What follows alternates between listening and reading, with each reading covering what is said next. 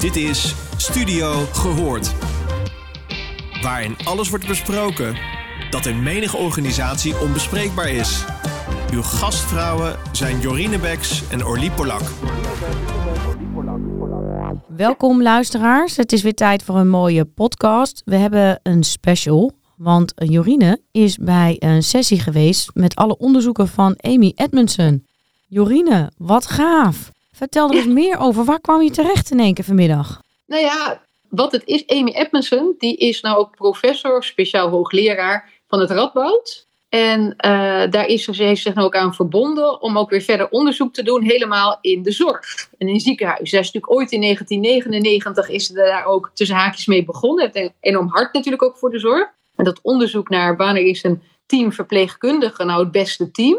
En haar hypothese was toen dat hij de minste fouten zou maken. En wat bleek nu? Het beste team registreerde de meeste fouten. En dat lag er niet aan dat ze dan de meeste fouten maakten, maar dat ze erover durfden te praten. Dus vandaar het hart van Amy voor zorg, dat die heel groot is. En uh, ik was uitgenodigd vanuit het eh, LUMC om deel te nemen, omdat ik natuurlijk ook bezig ben met het verder specificeren, dat is een klein dingetje, van mijn eigen promotieonderzoek, wat ik wil hebben over leiderschap en psychologische veiligheid. En nou, het was echt. Ik, ik, ik, zit nog een beetje te stuiteren. Het enige wat jammer was, was dat Amy Edmondson helaas zelf verhinderd was om deel te nemen.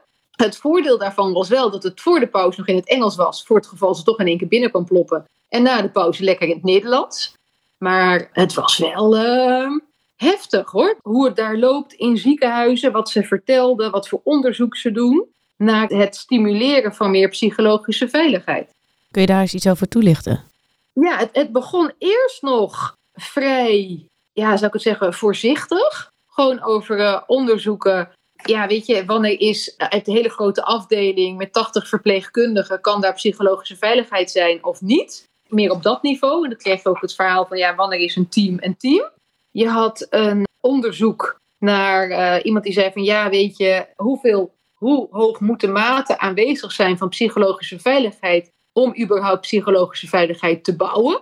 Wat interessante. Ik heb, ik heb dan mijn mening, het is een kip en ei en een ei en een kip. Kip legt ei terwijl dat uh, je aan het bouwen bent. Oftewel, hè, door erover te gaan hebben, ook al is het er niet, bouw je er al aan. Daar gesprek over gehad.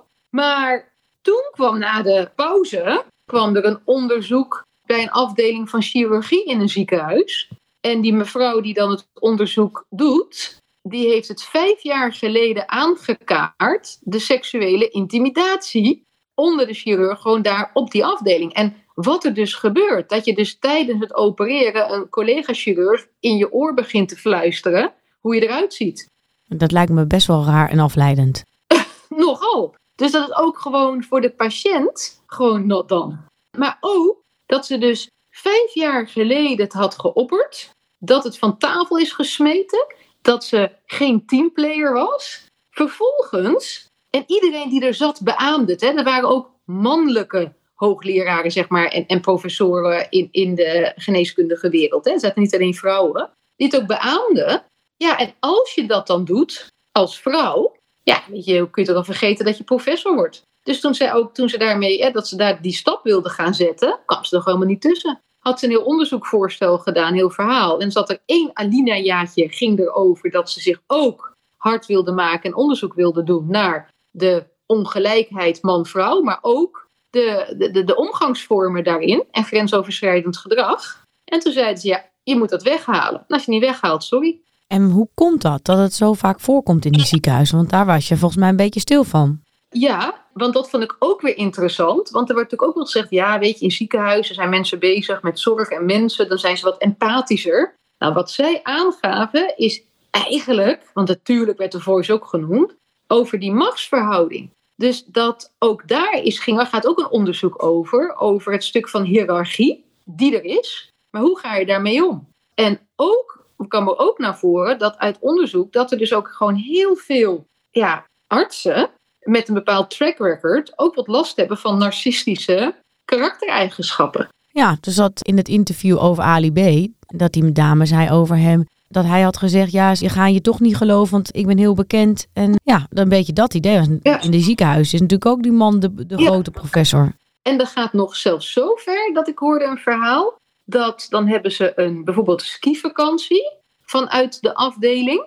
En waarbij die, bij die mevrouw al aangaf, weet je, ik ga er gewoon van uit dat ik niet alleen kan zijn met een mannelijke collega, nergens. En al haar, zeg maar, de vrouwelijke pupillen die zij heeft, die laat ze altijd door een betrouwbare man vergezellen. Op ook zo'n ski-uitje. Ik heb ook wel eens gehoord van werkgevers dat er wel eens op dat soort uitjes dingen gebeuren. En dat er dan de vraag is, is dit nou onder werktijd? Is dit nou na tijd? En wat moet je er nou mee? Er ontstaat ook best wel veel gedoe, al die feestjes na het werk. Ja. En hoe, Nou, hoe beschermen ze die jonge meiden dan? Ja, dat is wat zij doet. Dus zij vertelt. Zij geeft dus aan, eigenlijk, en dan ben ik, heb ik de naam niet paraat, was een mevrouw, en die was ook geïnterviewd naar aanleiding van The Voice, die bijvoorbeeld ook een maan heeft gecoacht op wat kan je overkomen in deze wereld en hoe moet je handelen. Dus hoe moet je omgaan met wat er gaat gebeuren, wat gebeurt in showbizland. En daardoor heeft Maan, wat zij aangaf, dat allemaal niet meegemaakt. Zoals bij The Voice, was voor alles gewaarschuwd. En dat is wat deze mevrouw aangaf, dat dat is wat ze dus doet. Dus die jonge meiden of hè, gewoon aangeven, oké, waar moet je rekening houden? Hoe zorg je ervoor dat het veilig is? En dat allemaal eh, inregelen. Daarnaast zijn ze begonnen met ook op de afdeling het verhogen eh, van die veiligheid met een aantal interventies. En hebben we het ook over, hebben we ook over doorgepraat. En één daarvan is het noemen van een soort alarmwoord. Dus dat als het gebeurt, dat dus je staat, ja, het is heel idioot, je staat dus op de OK. Een chirurg die zegt, nou, je ziet er nog lekker uit hè, met dat mutsje op, ik zeg maar iets. Dan hebben ze een stopwoord. Ik zeg even voor dit geval stoplicht, om wat anoniem te houden. Ik weet niet wat, wat er allemaal bekend mag zijn. En dan zeg je stoplicht en dan zeg je dat hardop. En dan weet iedereen in die OK dat die chirurg wat, wat doet wat niet door de beugel kan. En dat evalueren ze, of vanwege de capaciteit mag je dat maar één keer in het jaar wordt dat geëvalueerd. Dus ik heb met haar daarna ook in breakout rooms erover gesproken. Toen zijn we ingegaan op sociale veiligheid en psychologische veiligheid. Het verschil. Kan het een er zijn terwijl het ander er niet is? En hoe faciliteer je dat dan? Dat is ons onderwerp. En toen zei ik ook maar, wat best interessant zou zijn, is hoe vaak had je stoplicht willen zeggen en heb je het niet gedaan? En wat zei ze op, de, op die vraag?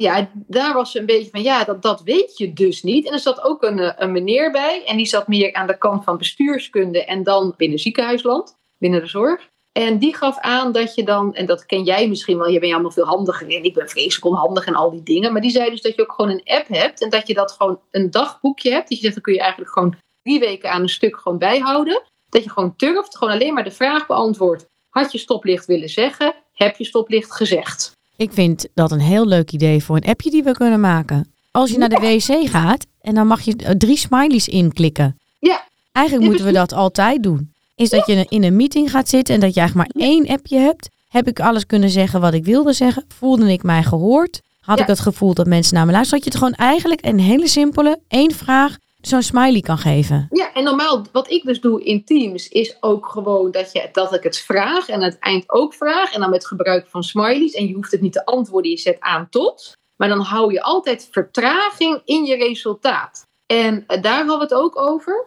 Toen ze hebben het over gehad en dat vond ik echt een geniaal idee. En ik denk inderdaad, als je zo'n appje bouwt in het kader van, dat zou echt zo, ja, dat kun jij, laat ik het anders zeggen, dat kan ik niet.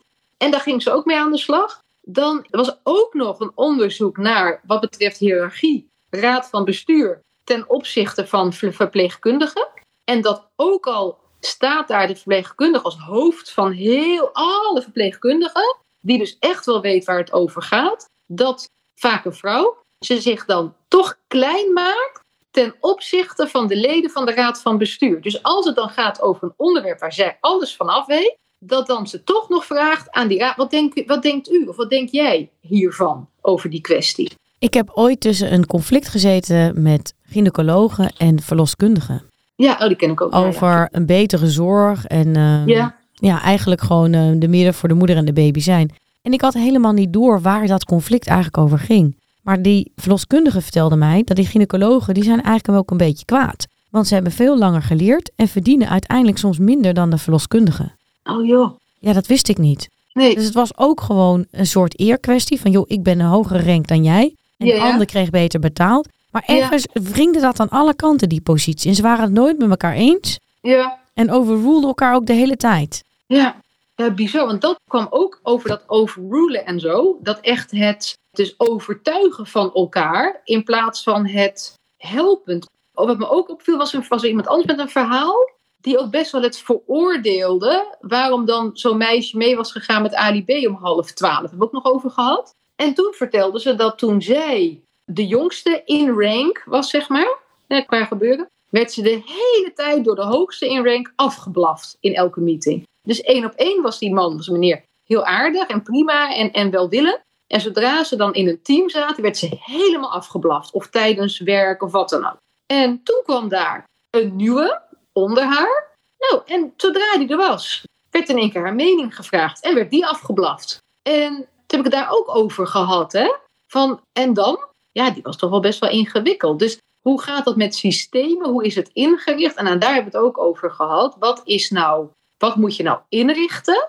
En ook zal natuurlijk ook over die vertrouwenspersoon die er is, waar niemand naartoe gaat. En hoe zorg je nou dat je het echt gaat doen? Dus dat is qua meetinstrument of qua een totaalpakket dat je en je richt. Eigenlijk wat eruit kwam is je moet je en richten op sociaal, wat jij en ik ook al over hebben, over die sociale veiligheid en de psychologische veiligheid. En natuurlijk ook de fysieke veiligheid. En dat je dat als totaal gaat zien en niet als twee werelden. Ik ben zo benieuwd hoe dit eigenlijk zorg belemmert. Want het is natuurlijk niet voor niks dat Amy Edmondson bekend is geworden door een onderzoek in de zorg. Mhm. Als ik jou zo beluister, dan is het gewoon iets wat heel veel voorkomt in de zorg. Anders zouden ze ook niet zoveel onderzoeken hebben. Nee. En er wordt er ook niet zoveel geïnvesteerd. Maar wat is nou het allergrootste risico wat zij zelf ervaren waarom ze hier zoveel energie in steken? Waar het over ging is de samenwerking en de kwaliteit van zorg. En de collaboration, dat was ook een heel onderwerp. Of ieder individu. En hoe zorg je ervoor dat je dus elkaar versterkt en heb je een gemeenschappelijk doel? Kun je elkaar vinden? Voel je jezelf ook, eh, voel je met elkaar betrokken? Dus uiteindelijk ging het echt, ja, het effect op de kwaliteit van zorg. En hebben ze het ook over werkplezier gehad? Nee, het is geen moment over werkplezier geweest. Het is wel geweest over safety one en safety two. Dat is helemaal in de zorg een, een hele gangbare theorie. Waarbij safety one gaat over hoe voorkom je het. En safety two is hoe gaan we ervan leren. Dus en hoe gaan we ook van successen leren. Dat is daar ook een, uh, een onderdeel. Als je gaat kijken naar werkgeluk, zou je kunnen zeggen, daar zit het een beetje op. Maar eigenlijk ging het, het ging wel, er ging een onderzoek die was dan begonnen in 2019. En heel met heel die corona gebeuren is het doorgelopen. En dat ging ook wel over samenwerken. En iets van werkdruk. Maar het grappige is, nee. Nee, eigenlijk uh, Nee. Wat heeft je nou het meest gechoqueerd van deze middag? Dat, ja, je gaat als patiënt het ziekenhuis in en er zit een team. Nee, er zitten gewoon allemaal individuen, met, e- niet allemaal, hè, maar waar, waar kom je eigenlijk in terecht? Dat was het voor mij. Dat dacht, jemig. Want wat jij nu zegt, hè, als ik niet durf te zeggen of niet geen vraag durf te stellen als verpleegkundige aan een arts, ja, wat voor zorg krijg ik dan geleverd als, als patiënt? En ik was echt wel gechoqueerd over dat, hoe het in de doofpot wordt gedouwd. En inderdaad dus ook, als je er wat van vindt en je zegt het, hoe je gewoon de mond wordt gesnoerd. En dat was ik echt, uh, dat merk je nog aan mij. Dan was ik echt dat ik dacht, uh, The Voice, oké. Commercieel, oké. En nu dacht ik, ja, toch wel wat tikkie, uh, tikkie naïef misschien. Het gebeurt gewoon. Want bij The Voice lig je natuurlijk niet met je hart open. Nee. Want dan gaat het niet om mensenlevens. Maar dit is natuurlijk wel raar. Er wordt een arts in jou aan het uh, insnijden, zeg maar, wijze van spreken. En terwijl hij dat dan doen is, zit hij lekker aan het kontje van zijn co-assistent. Ja. op opmerkingen. Ja. En natuurlijk enorm veel window dressing. Dat, dan is het bekend. En ze zijn zo slinks, wat ik ook hoorde, dat type.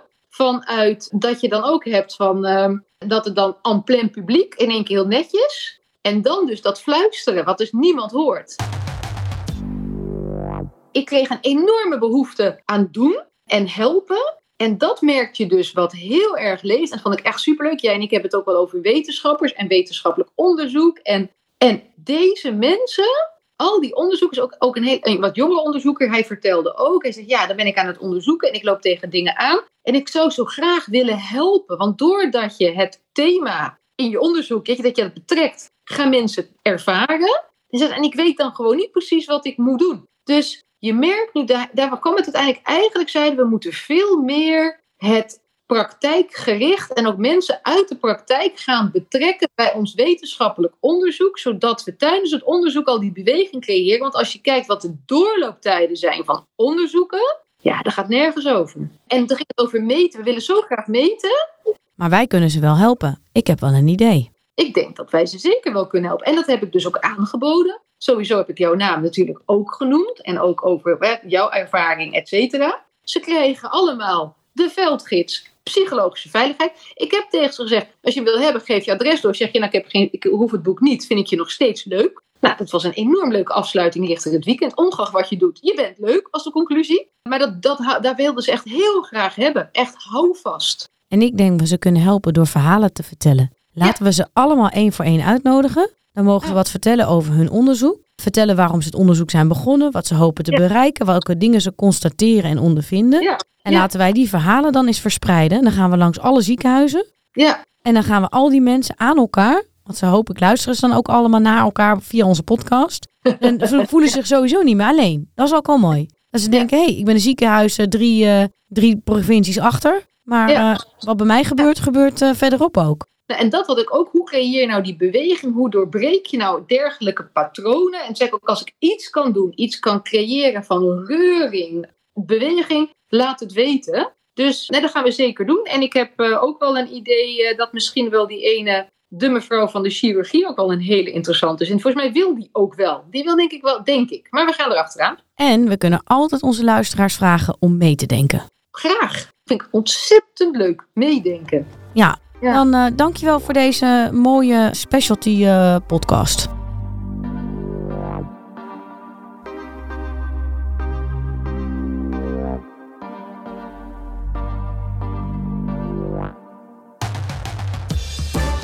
Je luisterde naar Studio Gehoord. Vond je dit een leuke podcast? Laat dan een review achter bij jouw favoriete podcastplatform.